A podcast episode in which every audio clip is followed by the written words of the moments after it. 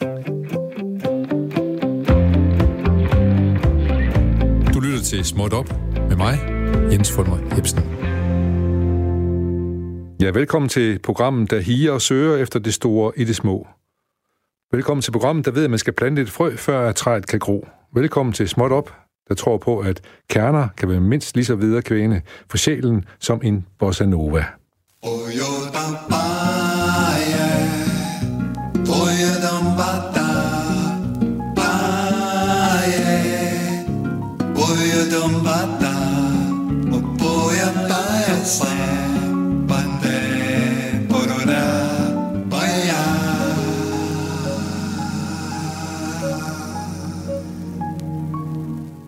Ja, så er vi igen landet i timen mellem 12 og 13, men ellers er intet, som det plejer i vores lille verden herinde, som døren er gået op til lige nu. Tidligere har vi haft besøg af alle mulige fra tryllekunstnere over trommeslager til Pompeji-kendere, og vi har talt om franske aviser, stadier på Bristol-skalaen og om piger, der blev til unge kvinder. Vi ved aldrig rigtigt, hvem og hvad der kommer, og der slet ikke, hvordan timen udarter sig. Men jeg kan sige, at vi plejer at opføre os rimelig civiliseret og først og fremmest nysgerrige. Kan dagen blive lidt sjovere og klogere, end vi troede, da vi stod op, så tager vi det med så absolut. Og dagens lille ting, det er i dag et korn. Det er et, du har taget med til os, Jørgen Using. Velkommen. Okay. Øh, den lange vej fra Jørgen, eller nærmest en guldær, går ud fra. Ja. ja. Øh, nu skal jeg prøve lige at nævne op, du er bager, møller, stifter Aurion, idémand bag Korns Hus, og mand, der fik danskere til at spise spil og meget andet. Har jeg glemt noget? Helt sikkert. Nej, det tror jeg også. Ja, det, er, det er okay. Det er helt okay. okay. Men i hvert fald, velkommen til. Ja.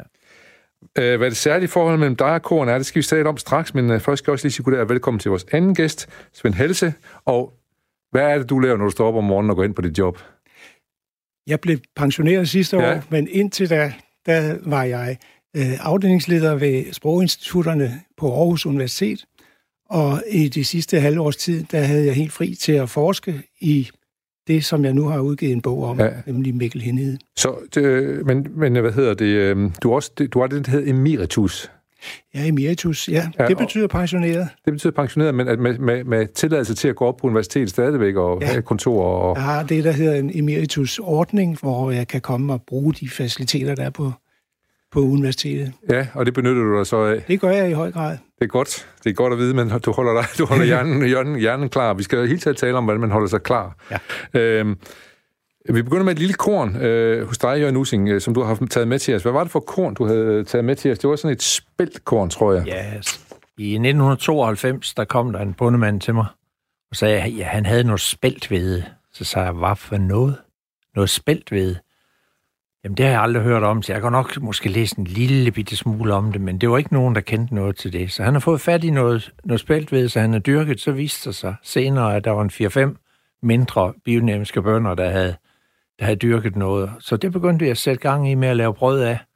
Og øh, vi, gjorde, vi, vi øh, sagde ikke noget om, at det var specielt godt, så vi lavede bare et brød, der hed spelt, spelt ja, brød. Og, og det, det eksploderede på en eller anden måde. Det skal vi, det skal vi det høre har, om. Det, det, det har sket noget i siden, ja. Ja, det må man sige ja til. Men, men fortæl lige kort spelt, hvor lang tid har det ligesom været ude af vores øh, system? Altså, i Danmark har, det, har der ikke rigtig været noget siden gravbalmanden. Så det er, det, jeg tror, det er 36 før Kristus, han, han har... Så et par tusind år i hvert fald. Ja. Så hvis jeg ser gravbalmen, når jeg kommer til Aarhus en gang imellem, så har jeg sådan lidt nært, sådan nær slægtning. Så, ja. så er han også rødhåret. Det, og, det, også, det, var også fint. Og så tænker du, at der var sikkert også noget spælt ind i hans sidste måltid. Ja, måske. det var der. Det var der helt det var sikkert. Der. Det var der spælt med skaller på, ja. så det har ikke været særlig spændende at spise. Øh, du har haft et lille korn med, men, men og, og jeg ved, at korn er vigtigt, men jeg skal lige høre, hvorfor er det så vigtigt, at det skal have sit eget hus, kornens hus? som du øh, har været med til at lave. Hvad er egentlig kornens hus, og hvorfor skal korn have et hus, og, og, altså, og hvad er status på huset? Korn er jo det vigtigste i hele verden. Nu kan jeg godt øh, regne mig selv for en kornnørd også. Men, men alligevel, hvis vi ikke har haft kornen, så, så skal vi i hvert fald tænke meget øh, grundigt over, hvad der så ville, ville have sket, hvis vi ikke havde kornet. Jeg tror, vi stadigvæk vil være samlere og lavere jæger. Og kornen har været, været starten til teknik og civilisation og kultur og i det hele taget brødføde folk i hele verden. Ja, det, det, det, sidste, det sidste kan jeg forstå, men når du siger natur, når du siger teknik og alt muligt andet, så hvad, er det så fordi, du tænker på, at man udvikler maskiner, der kan ja, bearbejde korn? Eller? man startede med en gruttekværn, Ja. Altså en, en sten med en anden sten oveni, det skubbede man så frem og tilbage. Så fandt man ud af, at man kunne lave en rund sten, som mennesker trak. Så fandt ja. man ud af, at man kunne lave en vandmølle og en vindmølle og en dampmølle, og som, så er vi jo hen i 1870 eller sådan noget. Men det har været en revolution hver gang i de mængder, som man kunne lave. Ja. Og i dag kan to møller eller en mølle med en mands arbejde med nogle knapper og nogle computer, kan sådan set formale alt det mel til alle danskerne totalt. Sådan.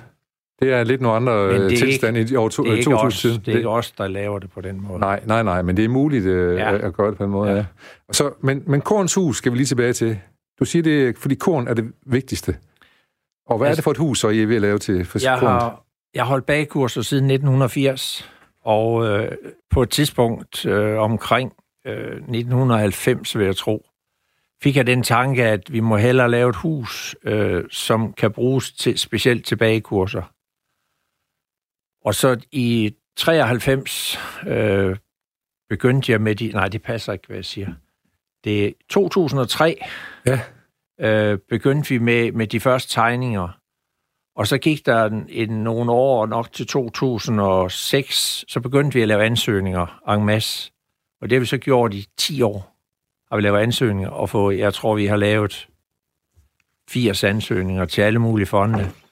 Og der var ikke særligt... Vi fik lidt en gang imellem, men så kom det til at ligge, og så blev det for gammelt, og så røg det væk igen. Så forfra. Så i 2016 var der hul igennem. Der fik vi fra nogle af de store fonde, ja. som var, var med til at bidrage til et så, med så, nogle pæne beløb. Og, og er huset færdigt nu? Det er næsten færdigt. Og hvornår åbner det? Øh, ja, det er jo det der 1000 kroner spørgsmål. Vi har, vi har nogle, nogle problemer med et gulv, vi ikke er helt færdige med. Men øh, vi håber sådan, før, gerne før høst i år, det var meningen, det skulle have været åbent her først, først her forår 2020, men det bliver nok i hvert fald før høst, og der er sådan lidt elastik i der. Ja. Og, og det er også en form for, ikke om ikke turistattraktion, så i hvert fald en attraktion for, for området, hvor I forventer mange gæster. Ja, det ved vi jo ikke helt, hvor mange der kommer. Forventer, men, forventer, men, øh, men der, er, der er mulighed for at lave bagkurser, der er mulighed for at lave øh, pizza, pizzadage, hvor, hvor folk kan lave sammen med deres familie, lave pizza og alt muligt, hvad der har med korn at gøre, men også for at lave storytelling omkring korn, fordi jeg synes, det er meget vigtigt, at, at både børn og ældre, bønder og ikke-bønder, de får at vide øh, noget om, om kornens udvikling gennem tiderne. Ja. Og det sidder vi og arbejder med nu med, med tidslinjer og verdenskort og Ja, vi finder gamle, vi har fundet nogle gamle korn fra, fra bronzealderen oppe i Jørgen. Ja, spændende. Som er helt kulsort. Øh, det er sådan, at, øh, at, I, at allerede nu så er Korns Hus jo næsten blevet en del af museet, men i hvert fald udstillingen handler om oprør. Øh, øh, på, er det Aalborg, øh, Museum i Aalborg? Ja. ja. ja. Jeg kan jo spørge dig, Svend Halse, du er kulturhistoriker. Mm. Hvad, hvad, hvorfor det her oprør korn, og den måde, som, øh, som hvad hedder det, Avren har, har taklet det på? Hvorfor tror du, det blev en tema for oprørsudstillingen? Igen, øh, for det har det jo været i flere omgange. Øh, jeg har ikke nogen specifik øh, teori om, hvorfor det bliver øh, et oprør nu, men øh, dengang ham, som jeg har beskæftiget mig med, Mikkel Henhed, øh, kom med det med fuldkornet som øh, det eneste rigtige, øh, der var det også et oprør, fordi det var i en tid, hvor øh, det hvide mel var på vej frem. Så der er god grund til at, at, at, at udstille øh, og fortælle omkring den, ja. de, de, de ting der, som I er i gang i på Aurien også der. Så har du selv nogen idé om, hvad, hvad, hvordan bliver I fremstillet på, på udstillingen? Nej. Det har du ikke. Øh. Jeg ved, der er skrevet noget tekst, og ja, netop. Det, det er rigtig fint. Jeg har forsøgt at få fat på det, så, øh, ja. men det skal nok få fat i, så skal jeg nok ja, ja. oplyse lytterne om senere, hvad, ja. hvad, hvad bevæggrunden er. Men det er jo det er i hvert fald helt sikkert, at, at din bevægelse, den har været en, en, en, en bevægelse, om ikke oprør, så i hvert fald frem mod en mm. helt masse nyskabelse, kan man sige. Skal vi lige prøve at, at samle op på dig? Egentlig, så var du jo specialist i Napoleonskager, og jeg ved ikke hvad, som konditor. Jeg har stået lærer i Højbjerg ved Aarhus. Ja. Og øh, der vil jeg egentlig godt lige, når vi nu lige har snakket om mel og det ja. mel og så videre. Jeg har jo prøvet at bage i en stenovn, og det er jo ikke fordi, det er, det er sådan særligt. Men, men jeg har bagt af noget mel, hvor der var blegemidler i. Så når vi åbnede ovnen ind til, åbnede ind til ovnen, den store øh, stenovn, så stod der øh, kemikalie dampe ud i hovedet på en. Og det, det holdt man op med en gang i 60'erne. Ja. Der havde man også mel, der hed Snevide. Og så kom der store skilte, store banner blev sat op. Nu bruger vi kun kemikaliefrit mel. Så... Og det har nok været sået noget mig, og jeg synes, det var helt uretfærdigt, at man skulle sprøjte øh, DDT. Det gjorde man jo en gang der i 60'erne. Ja. At, at det skulle ende i modermælken 10 år efter, og, og at kleinerne, de skulle farve skule, og så videre, og så videre. Ja. Så noget, det gjorde jeg oprør mod. Så det, da vi startede afrøren tilbage i 74, der var det sådan set et oprør mod den måde, som man dyrkede tingene på ja. med, med sprøjtemidler der var der 34, tro, mere omkring 34 øh, biodynamiske og økologiske bønder, og i dag er der 2.500. Ja. Så der er sket utrolig meget, men der er nok at tage fat på. Ja, det, Stadigvæk. det, og det kommer vi også til at snakke lidt mere om her, det, det er jeg helt sikker på. Men, og så øh, er det vel også oprør mod, at man finder på sådan en eufemisme, som kalder noget mel for snevide. Ja, ja. Som ja. det lyder, som om der ikke er noget galt med det, men øh, det har det jo absolut været. Øh, men, men så sker der noget i, du opdager korn i, øh, på en helt anden måde, udover at du øh, får bageriet, men også i 73, så øh, opdager du, at der er nogen, der bruger korn på en anden måde. Og altså, mel. Ja, altså, hvis vi alle sammen, hvis vi er lidt ældre og kigger tilbage i vores gamle bøger, så står der i bøgerne et kilo mel. Ja. Hvis jeg tænker tilbage på min, da jeg stod i lære, der var mel ikke noget, man tænkte over. Det var noget hvidt pulver, der kom fra Aarhus Dampmølle og blev ja. smidt ned i et tru. Og så, så bagte vi af det. Ja. Og min far, han var meget revolutionær. Han lavede noget, der hedder pelsjægerbrød. Husker som det. han solgte fem af om dagen. Det var jo sensationelt. Og han følte sig som rigtig sådan... Det var, det var helt vildt. Og vi skal lige sige, at din far uh, havde bagerforretning i Højbjerg, hvor du også ja. uh, var udlært fra, ja. eller arbejdede også i ja. hvert fald, ikke? På det, ja. Jo, jeg var ja. udlært og arbejdede ja. der, siden jeg kunne gå. Ja. Husker du pelsjægerbrød? Har du taget... Jeg kan godt huske navnet, ja. ja. Det var også sådan et uh, avantgardebrød på et tidspunkt, ja. Ja. Og så kom der firekornbrød og den slags efterhånden. Hvordan udmærket pelsjægerbrød så? Hvad betød det for din, uh, din opdagelse af, at ting kunne være anderledes? Jamen, så, så flyttede jeg så til Jørgen, og der, der kom noget, der hed Avrøjerne, så hvor jeg begyndte, der var min far også flyttet til Jørgen, så begyndte jeg at lave øh, brød, der var hævet med surdej og bageferment og honning og salt. Og det var jo en helt anden verden. Og jeg synes stadigvæk, de brød, der er hævet med honning og salt, det er som at træde ind i himlen nogle gange. Mm. Ja. Med store sko på. Så... Specielt øh, sådan noget som pumpernikkel, som måske mange kender som sådan sort brød, man fik til et ostebord. Ja. Det har vi jo lavet alle årene. Og de fleste tror, det er løgn, når man siger, at de bliver bagt i 24 timer. Men det gør de. Så det er sådan set tanken i Kornens hus, at der hele tiden skal være brød i ovnen. Ja. Når man kan sælge hus, så kan man sikkert også sælge oplevelser ved, at det dufter godt. Det er jeg helt sikker på, at det, at det kan. Bare spørg ejendomsmalerne, når de skal sælge ja, et hus. Ja. ja. Men du, også, du ved noget om det der med rugbrød, der er bagt på honning og sådan noget, ved jeg. I hvert fald ved, ved jeg noget om rugbrød. Ja. Men, øh, for øh, det er klart, at øh, fuldkornsrugbrød, det var jo noget, som øh, allerede i hendes tid øh, ja. begyndte at, at komme frem. Men rugbrød er en gammel ting, selvfølgelig. Ja, det er med på. Øh, og, øh, men altså, en, hendes indsats var jo at skabe et videnskabeligt bevis for, at det var øh, sundere at spise kornet med. Det var en ting, der var ved at forsvinde ud af, af kulturen ja. øh, på det tidspunkt.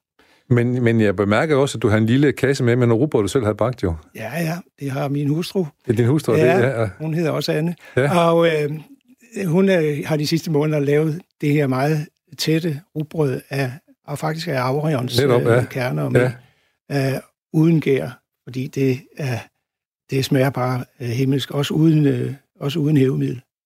Så øh, på den måde ved jeg også noget om rugbrød. Jamen, det er det, jeg tænkte på. Det ja, jeg lige fisker lidt efter ja. for... Om, om... Men det er jo også et, et faktum, øh, som vi også snakkede lidt om lige inden øh, udsendelsen, at der er en snæver sammenhæng imellem øh, fuldkorns rugbrød og øh, sundhed, altså øh, især øh, tarm. Øh, sygdom, selvom ja. hverken ja. jeg eller Jørgen jo er læger, så Nej. har vi da læst om det i hvert fald. Jeg har haft en, en, en tarmlæge inde i og fortælle lidt om, om hvad ja. der skal til for at sammen til at fungere bedst muligt, så ja.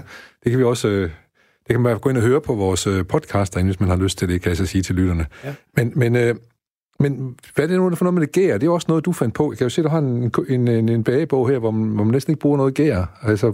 Jeg skulle engang lave tv-køkken, jeg tror det var 88.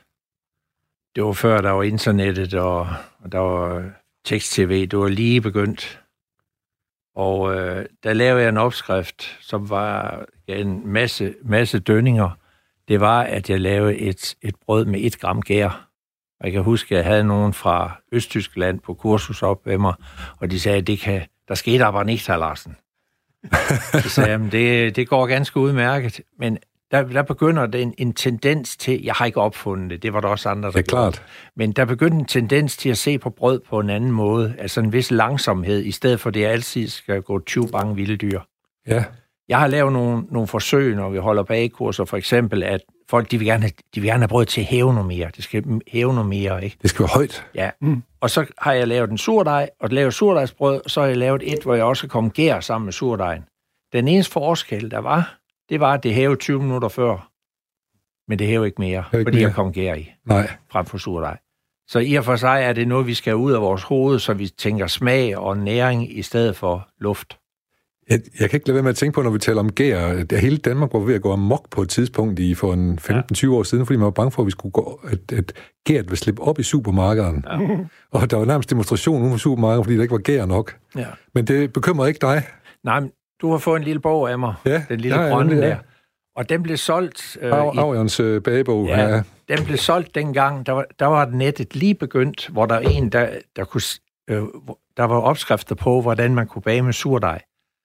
Så, så man ikke skulle øh, arbejde uden, uden gær, man kunne bruge surdej. Så det var det helt store hit. Jeg tror, vi solgte 200 af dem i løbet af ganske, ganske få uger. Det var alligevel øh, lidt, lidt, lidt flere, end der blev solgt pelsjægerbrød. Ja. øh, men, øh, men hvorfor er det, vi ikke skal have gær? Hvad er, hvad, Nej, men der er sådan set, ikke- gær er der sådan set ikke noget galt med. Det der er bare, når vi har fuldkornsprodukter, så skal vi have tid. Når vi har, ingen vil bage et rugbrød, 100% rugbrød, uden, uden at der er, at der er øh, surdej eller, eller øh, kernemælk. Eller, der skal syren, øh, syren der, der skal en, en syrning af dejen. Og det skal der også, når man laver de andre fuldkornsprodukter. Man kan godt bruge gær, men man bruger bare over længere tid. Vi har en af vores største øh, finesser, vi har i afrøren, det er brusebadsboller. Og det lyder sådan lidt sjovt, men det er en dej, man rører sammen. Nogle kalder den også en slaskedej ja, Det er en dej, man blander sammen dagen, dagen i forvejen, som er meget blød, og så bliver den endnu mere blød, og så mens man går i bad, så bliver de så bagt i en, i en brændende varm ovn, og når man er færdig med at bade, altså ikke kappebad og ikke, ikke en teenager. et lille brusebad her. Ja, det er et lille brusbad, ellers så bliver de brændt. Og så smager bollerne simpelthen utrolig godt, fordi det er sådan en rigtig blød dej, og det er sådan set konceptet fuldkorn, så blød dej som overhovedet muligt. Og nogle gange, så går de hen og bliver flade, men de smager kanonhammer godt. Ja. Men så, så er vi nødt til at sige, så sælger vi dem ikke lige den her uge. Nej, hvis det bliver sådan. Men prøv lige igen at sige, hvor lang tid stod de bløde?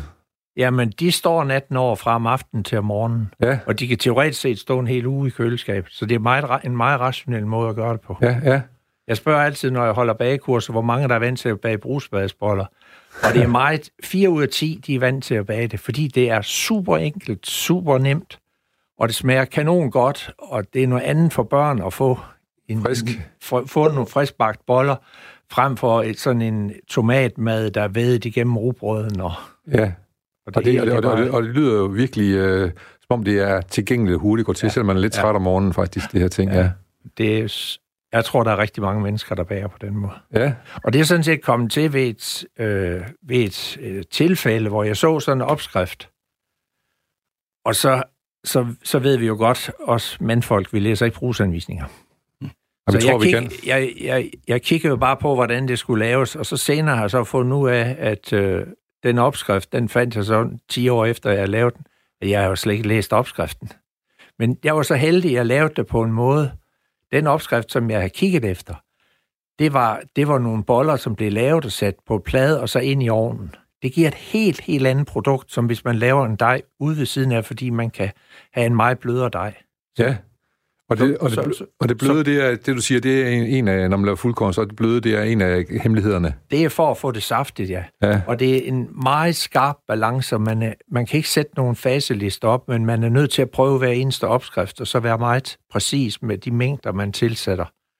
Vi har for eksempel prøvet at komme lidt rugbrød, eller lidt svederumel, i, noget, øh, i nogle brugsbadsboller, og det, det gik helt galt. Men, men, men øh, jeg kan godt lide, at du fortæller det, fordi det fortæller noget om, og det er måske også noget, som Henhed han gjorde, mm. som du har skrevet om, øh, ja. at man prøver sig frem, og bliver ja. ved med at prøve indtil, at uh, man optimerer nogle ting. Ja. Enhed havde jo et uh, forsøgslaboratorium. Og en forsøgsperson lige frem. Ja, han havde også en, uh, forsøgs, flere assistenter til at afprøve de ting. Men med hensyn til brød, så var han uh, jo meget opsat på at finde ud af, hvordan han skulle lave, man skulle lave godt brød af dansk hvede, fordi uh, fordi glutenindholdet er så relativt lavt, så øh, det er svært at få til at hæve, efter øh, hvad jeg har læst mig til. Okay. Så derfor havde han øh, en, også en assistent, der hjalp ham med at få ældet det her brød. Øh, og på et tidspunkt, hvor det blev aktuelt med at øh, sikre, at, øh, at danskerne fik brød nok, også nemlig under 1. verdenskrig, hvor der jo var fastlandsbæring, og man ikke kunne få udenlandsk hvede, øh, der eksperimenterede han så frem til øh, et brød, der kunne hæve. Det sendte han så en prøve af til indrigsminister Ove Rode, som eksempel på, at man godt kunne klare øh, den danske fødevaresituation med dansk krig, ja, ja, ja, ja. Og det betød så senere, at øh, Henhed blev valgt til øh, den øh, kommission, der skulle lave en rationeringsplan for Danmark i 1917, øh, hvor det var Henheds forskning, der sådan set lå til grund for det. Du ender med at komme til at sidde i en eller anden kommission inde i ministeriet, der skal sørge for, men det gør du måske allerede lidt. Nej, det gør jeg ikke. Det gør du ikke. Det gør jeg ikke. men, men, men jeg vil gerne tale med dig omkring det der med, at du blev ved med at, at afprøve ting og finde nye ting. Mm. Du, du fik spildt ved en tilfældighed, fordi det var en bonde fra, ja. Øh, ja.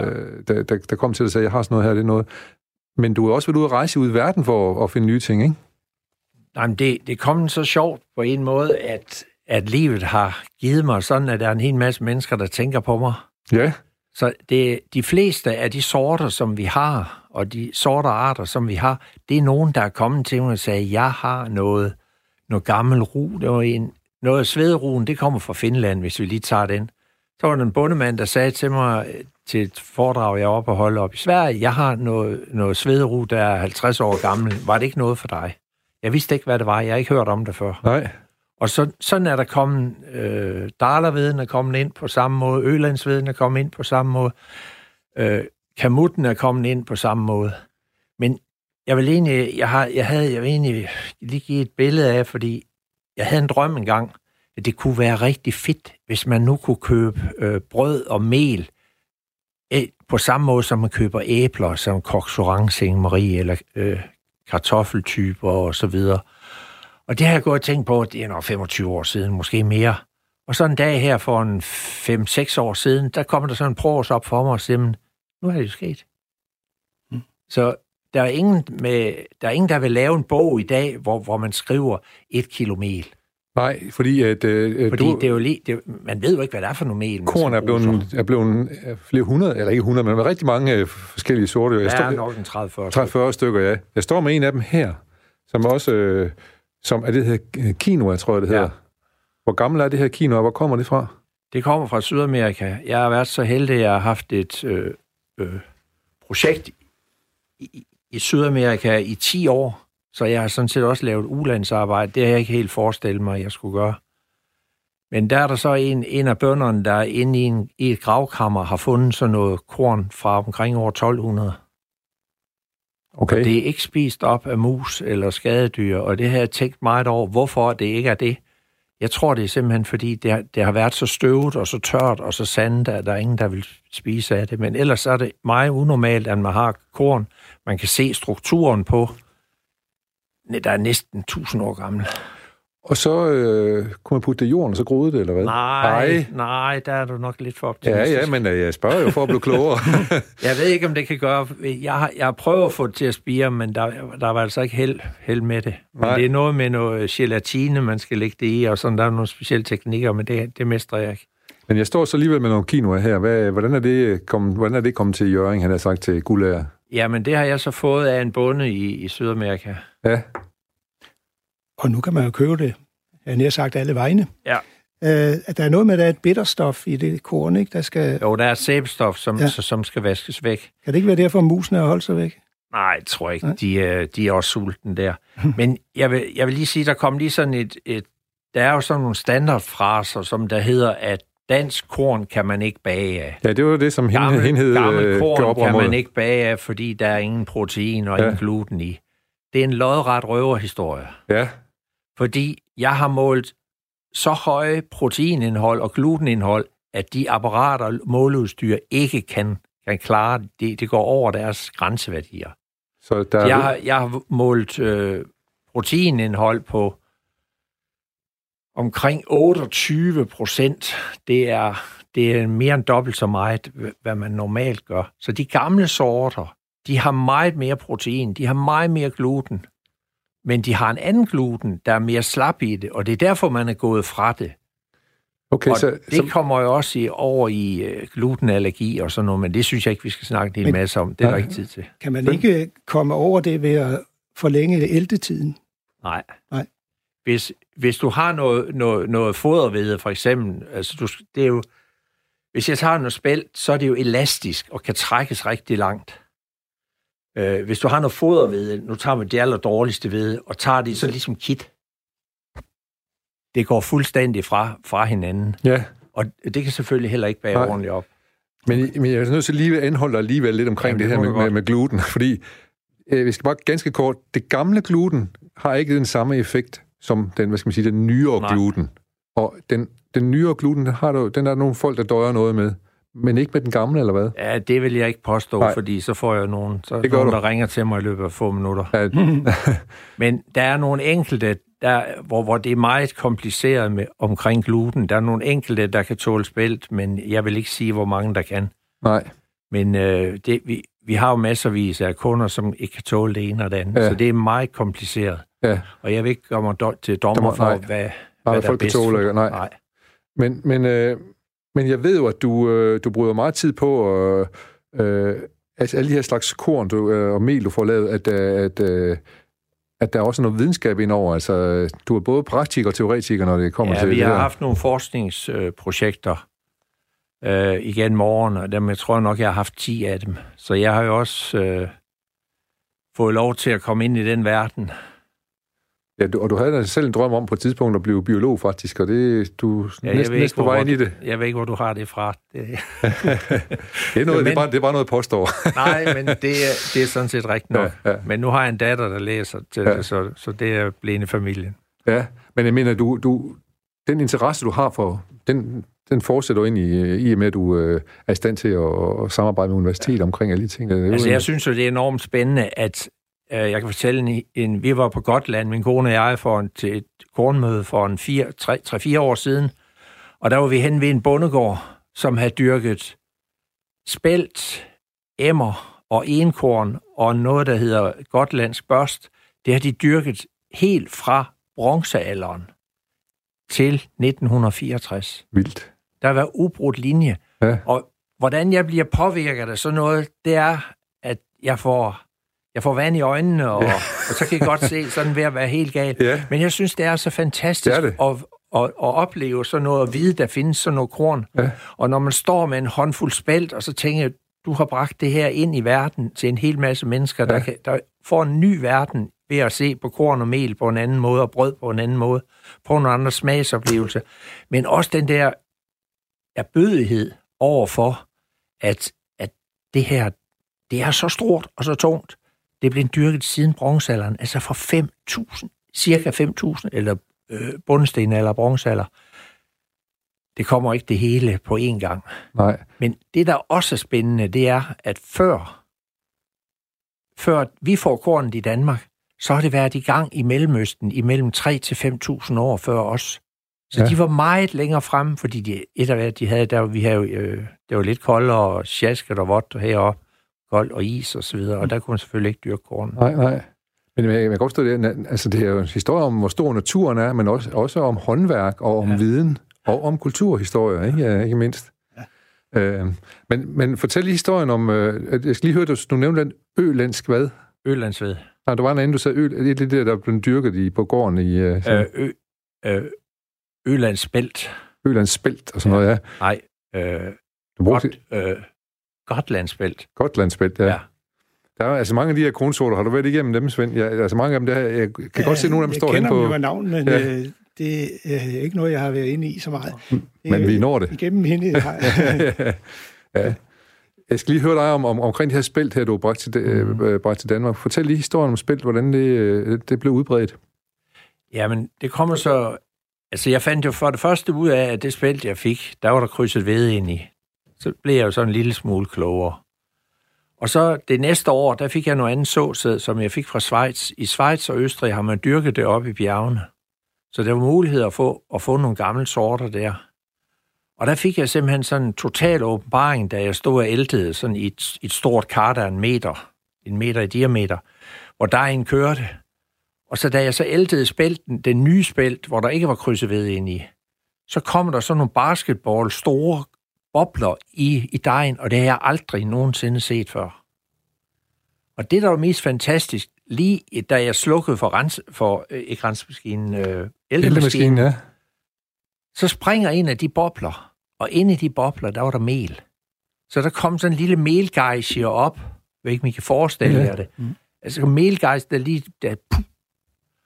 og det billede, jeg har i mit hoved, jeg har ingen chance for at tage sådan et billede, og det er en ud af tusind gange, det sker. Ja, og, og hvad, var din, hvad var din fornemmelse, ligesom du... Øh... Jo, at jeg var vidne til noget helt, helt, helt... Ekstraordinært? Ja, jeg synes, vil sige helt vildt, for det, det er sådan noget, som nærer mig. Ja, ja. Mm. Og så Også tænk... når, når man oplever nye ting med korn, forandringer, som ingen kender til. Men jeg vil også sige, at der er en masse skrøner, øh, sådan noget som hvedekim. Jeg har hørt, i hele mit liv har jeg ikke hørt andet, hvedekim skal man fjerne fra, fra hvedemel, fordi ellers harsker det. Og så spørger jeg alle de kloge mennesker, jeg, jeg omgås der, der siger det, så siger jeg, kan I ikke finde, hvor det står henne? Hvorfor skal man? Der er ingen dokumentation på det. Det er en vandrehistorie. Hvordan opstår sådan en historie, monstro? Jamen, øh, det ved jeg ikke, men, men jeg prøver at være, der er i hvert fald ingen grund til det. Og jeg har set ved store møller, hvor, hvor de havde sådan store big bags med, med, med kim, og siger, hvad bruger I det til? Det bliver brugt til mink, mm. hvor ja. pelsen skal blive rigtig fin, og så bliver det brugt til hudolie også. Altså, jeg synes, det er lidt absurd, når vi har et produkt, der er helt fantastisk. Hvorfor skal det så smøres puttes i en mink? Ja, og det, og det er, at man finder sig ud af, at det, man egentlig smider væk eller bruger til noget andet, det kunne vi faktisk godt bare spise. Altså, Selv. vi har jo et kæmpe stort forbrug i brød. Jeg, ved ikke, jeg tør ikke sige helt præcis, hvor meget det er. Jeg tror ikke, der er nogen, der ved. Men hvis vi tager det, at man fjerner kliden, og så plus det, der bliver smidt væk, så ligger vi nok, hvis jeg er meget forsigtig, meget forsigtig, mellem 30 og 50 procent af det brød, som bliver, kommer ud fra marken, det kommer ikke i maverne på folk. Og det kan vi ikke være bekendt over for verdens sultne befolkning. Så man kan sige, at en af de dimensioner, du har på din passion for, for det her og arbejde med det her, det er, at vi, at vi bruger øh, vores øh, afgrøder bedre. Mere, vi, vi skal ikke smide noget mere væk. Af det. Ja, nej. Som, altså, lige i øjeblikket sidder vi og arbejder med en, en øh, øh, granola med mask i. Vi har, jeg prøver at arbejde med, hvor meget mask, kan der, mask det er noget, der kommer fra ølbrygningen. Nu skal du bare vide, at Svend og jeg, vi sidder og nikker lidt til hinanden, når vi hører ordet mask, vi ved begge to godt, hvad det er, ikke? Ja. Jo, men det er jo ikke sikkert, dem, der, dem, ikke mig, der ved... Ikke mig, jeg ved det ikke. Nej. Men, men det har vi så prøvet at lave en, øh, en, en mysli af. Og der har vi kunne finde, der er en vis grænse. Altså det, man smider væk, væk fra ølproduktionen, det gjorde man jo også i, i middelalderen og bronzealderen sikkert også, når man begyndte at lave øl. Det, man smider ikke noget væk. Så er man der kommet over i brødet, så kunne man med til at give et bedre brød, ja. plus vi ikke smider mad væk. Så, så, det, så, der kommer der stor fokus på ude i fremtiden. Det gør der. Der er allerede stor fokus også på madspil, kan man så sige. Og så vil jeg sige, det andet ben, som din, din, øh, din gøremål også står på, det er jo sundhed. Ja, ja. Altså... Det er afgørende for dig, det er økologisk og bæredygtigt. Altså, jeg, jeg, Eller jeg opfatter det som det allervigtigste. Et af næringsstoffer, det er, at man holder sin tarm i gang. Det er ikke særlig spændende øh, at, at snakke om det, hvordan man holder tarmen i gang, men kostfiber er i hvert fald meget vigtig.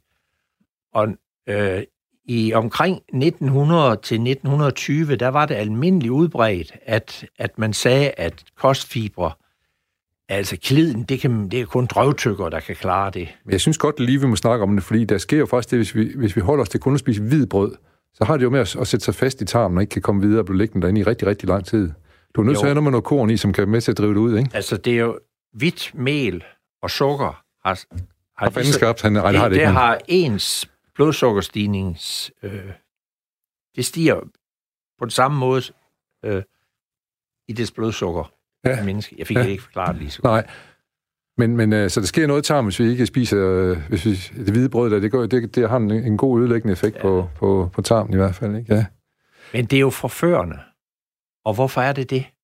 Jeg tror, det er simpelthen også, man kan se det på børn. Hvis man to treårige børn, man giver dem franskbrød. Jeg er da selv opvokset på franskbrød i et bageri. Øh, og, og der er det, det giver sådan en blodsukkerkick, ubevidst. Ja. Jeg tror, det er derfor, lige så vel som får en, børn de får en sodavand, så løber de helt ud i Og det er lidt, og, det, og, og det er betydeligt lidt at tykke. Jeg kan huske, jeg interviewede en gang en, øh, en, en, en kok fra en, øh, fra en kaserne, og han sagde, at de værnepligtige, de vil helst have hakket kød. Ja. Det er lidt at tykke. ja. Da vi var børn, der havde vi en leg, der hed robrød eller franskbrød. Kan du huske den, Jørgen? Øh, det var sådan, at man, man, man hængte sig lyn pludselig på, på skulderen af en af kammeraterne. Ja. Og, hvis han, og så skreg man robrød eller franskbrød. Og så hvis det var rugbrød, så kunne han klare den og holde den. Ikke? Og ja. hvis det var en franskbrødsdreng, så, så, så røg Så en franskbrødsdreng var en svækling? Ja, det var ja.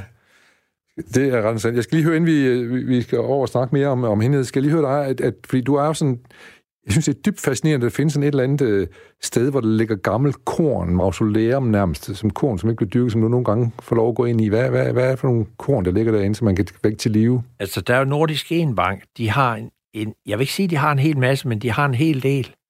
Men meget er jo blevet smidt væk i løbet af årene, så man kan opformere og se, hvilke egenskaber det har. Ja.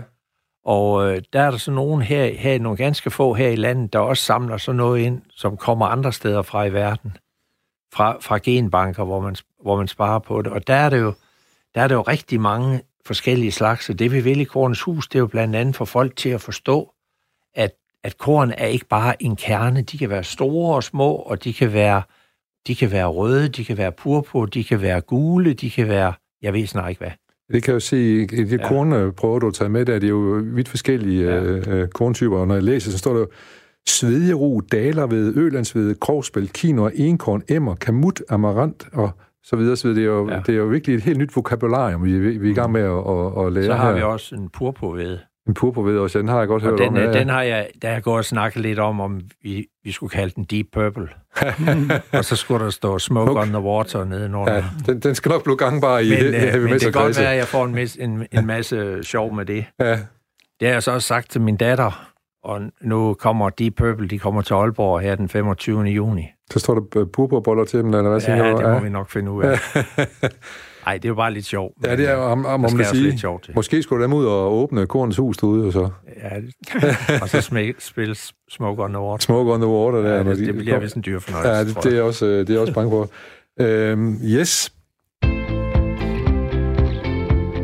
Radio 4 med Danmark. Ja, vi er i gang med småt op, og jeg er så heldig i dag, at jeg har besøg af Jørgen Using fra Aurion, som kan en hel masse ting med, især med korn og Korns Hus, og så også af Svend Helse, som er aktuel med en bog om øh, sammen med, Daniel Henschen. jeg skal lige finde ham her, Daniel Henschen, ja, din ja. kollega der. Den handler om, den hedder Michael Henhed og kampen om danskernes kost. Du er lige nødt til at forklare. Jeg er sikker på, at Jørgen han ved, hvem øh, han er, i hvert fald har hørt om ham. Jeg havde ikke hørt Ja, om ham før. har hørt om. Ja, du har hørt om ham, ja. Hvad, hvem er Michael? Hvem er Michael Henhede? Ja, det er egentlig meget sjovt, at vi ikke rigtig har hørt om ham i vores tid, fordi i den første halvdel af 1900-tallet, der var han sådan set en af de mest kendte danskere. Ja. Øh, både indenlands og også inden for ernæringsforskning øh, internationalt.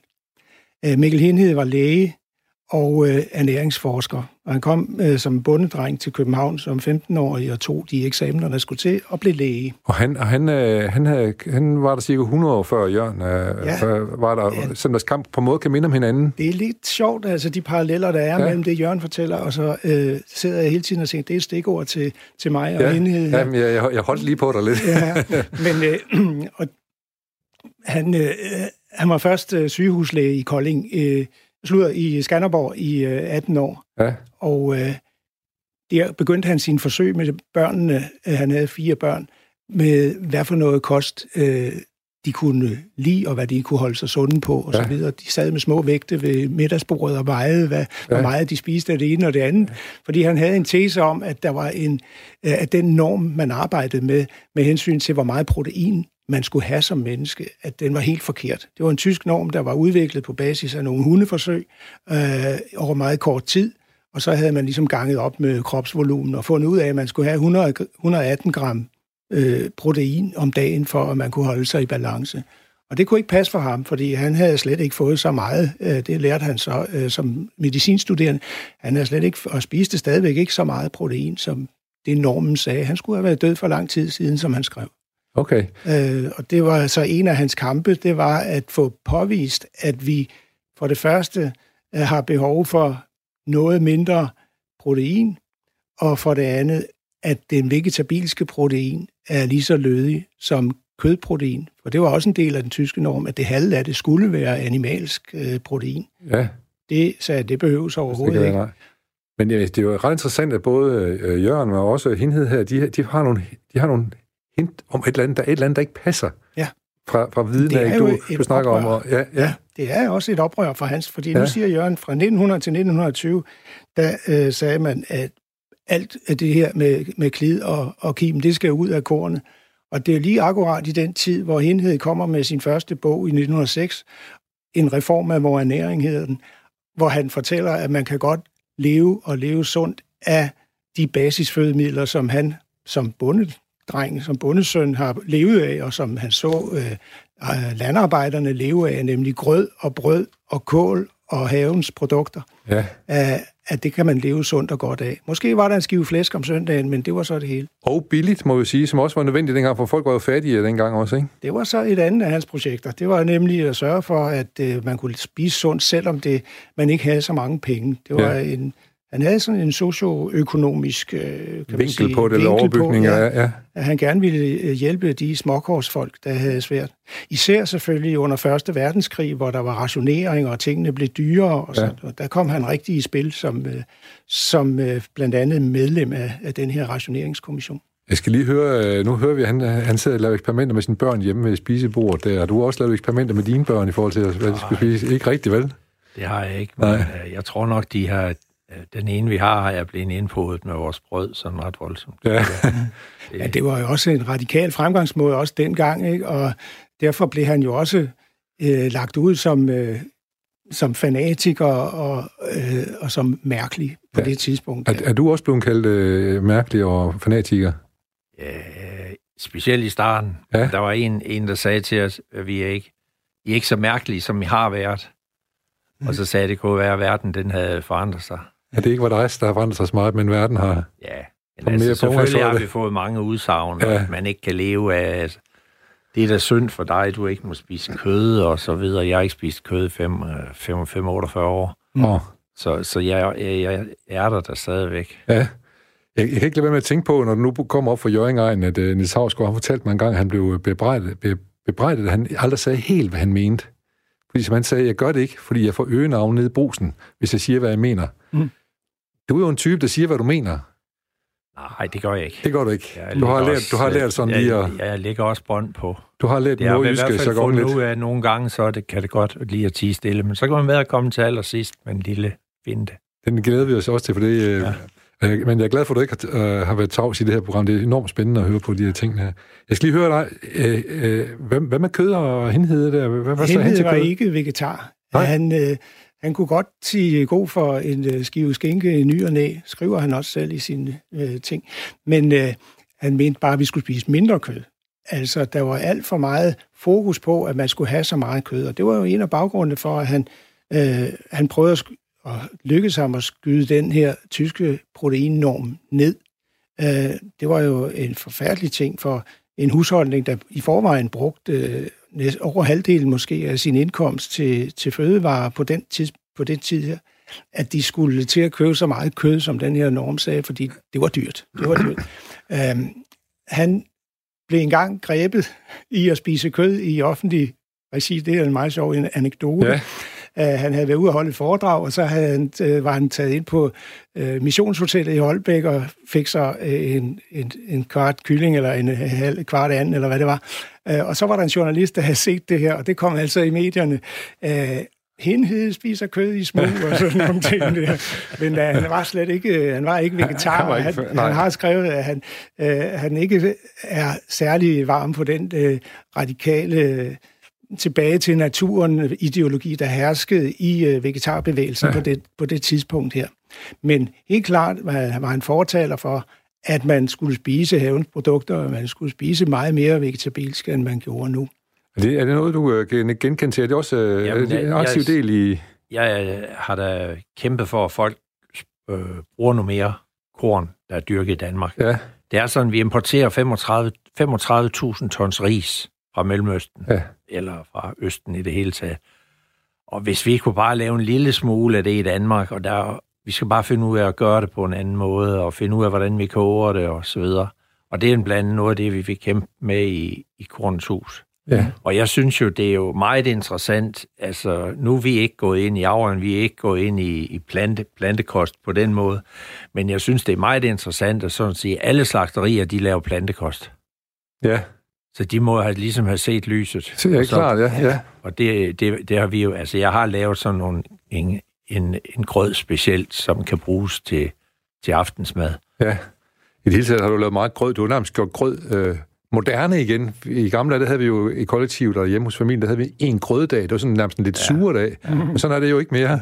Nej, men det grød, jeg har lavet, er sådan en, øh, hvor man tager de, de gængse kornarter, men så har jeg lagt nogle flere til enkorn, emmer og spelt fra de ja, gamle. Ja.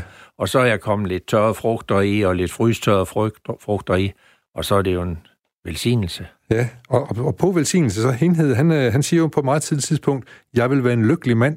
Ja, ikke kun han selv, men især det danske folk. Det danske folk, men ja. han, skriver også om sig selv her. Jeg fandt et citat, jeg har fundet, at øh, øh, han, han skriver til sin, øh, sin kæreste og sine kone, øh, at øh, han vil have et lykkeligt liv, en behagelig ungdom, en glad og tilfreds alderdom og et liv uden smerte og forbitret livsglæde. Ja, det var et brev, han skrev til sin Marie. Der, der... Ja. Og det var kosten, det var, det var en af vejene til, til, til, det var til, Jøn, det var Jøn simpelthen, ja. ja. For ham var det. Altså både kost og motion. Vi kan sige, de, øh, de råd, de sundhedsråd, vi har i dag, de 10 kostråd ja. fra føde, de står for de allerflestes vedkommende at læse hos hende. Ja. Sådan set. Det er ligesom om, der er en tradition derfra, og så er der ligesom en, et vakuum, hvor der er sket en masse andre ting i historien, og så er vi nu kommet tilbage igen og begynder at se, at de her, øh, de her retningslinjer, det er ja. faktisk dem, øh, vi skal følge. Og det er det, der sådan set har fascineret mig ved den historie. Det var det, jeg troede hørte min tid og mit liv til. Det er noget, som for 120 år siden allerede tog sin begyndelse her i Danmark på forskningsbasis. Ja. Og hvis vi ser endnu længere tilbage, som Jørgen har fortalt til bundestenalder og så videre, så er det jo en helt anden og meget længere historie. Ja. Er, er, er, er du blevet en lykkelig menneske at leve på den måde, du har levet? Jeg ved ikke, hvornår man er det. Nej, det ved jeg heller ikke. Men jeg har i hvert fald uh, haft et rigtigt liv med en masse ja, spændende oplevelser. må man sige. Jeg synes lige, der er en ting, jeg godt til at sige. Ja. Det er så noget med at, at male mel frisk. Ja. I bundestenalderen, der malte man jo mel frisk og spiste det med det samme. Vi ved jo i dag, så snart med, øh, kornen bliver knust, så begynder ilten at påvirke. Så der, det går ud over næringsstofferne. Og vi har utrolig mange kunder, som har købt kornkværne, og som har en stor fornøjelse af, af at, at male deres eget mel frisk. Man får blandt andet E-vitamin, der er dobbelt så meget E-vitamin, og de andre ting har vi ikke undersøgt, men bare E-vitamin, der er dobbelt så meget E-vitamin, det korn, man ja. får lige ud af kværnen, og så har man en fleksibilitet. Vi har folk, der har været på, på bagkurser, sådan nogle ingeniører, der var fuldstændig nørdede. De havde sådan en hel masse forskellige helkorn, og så gik de ned i kælderen og sagde, hvad skal jeg nu lave i dag? Ja. Og så målte det hele nøjagtigt op, og det var en stor glæde for dem. Og jeg er sikker på, at sundhed er også, øh, det er jo også en, en, både, øh, det er også en tilgang til at blive gladere og lykkeligere i hvert fald, ja, ja. må man jo sige. Men, men, men jeg skal lige tilbage lige kort til hende her sidst, mm. fordi bog, den bog, jeg har lavet, er også en bog, som er rigtig sjov også bare at bladre op i. Mm-hmm. Plus sådan om tysk kropskultur, eller noget om ja. cykelløb, og noget om havebyer. Hvad var det for noget med den der tyske kropskultur der? Ja. Altså, Henhed er jo ikke faldet ned fra den blå himmel, kan man sige, Nej, sådan rent han kulturhistorisk. På, ja. han, er, han er et barn af, af den livsreformbevægelse, som herskede, eller som var virkelig øh, på vej frem og, og var stor i slutningen af 1800-tallet og i starten af 1900-tallet. Ja. Det var hans, øh, skal man sige, øh, tankemæssige baggrund, uden han selv refererer til det i øvrigt. Men øh, han besøgte jo de store, og blandt andet nu siger du mysli, altså den store Bischof Benner nede i Schweiz, som opfandt myslien, var jo, der opholdt han sig hos ham i flere, i flere måneder. Så han, så han bygger på øh, tyske ting og andet. Det er svært ved at nå helt til, Vi kan jo snakke om flere timer om korn. Det har jeg jo ikke regnet med, da jeg så det lille korn, du kom med der, Jørgen øh, Using. Og øh, tak også til dig, øh, Svend Hasle, for at komme og fortælle om det her. Det kan være, vi kan vende tilbage til, til det, for det er jo åbenbart evigt aktuelle emner, det her. Ja, der er meget mere i det. Det er der godt nok. Uh, vi skal til at stille om til nyhederne. Vi skal tilbage til virkeligheden. Og uh, jeg tæller så småt ned til den nu. 6, 5, 4, 3, 2, 1. Værsgo, nyheder.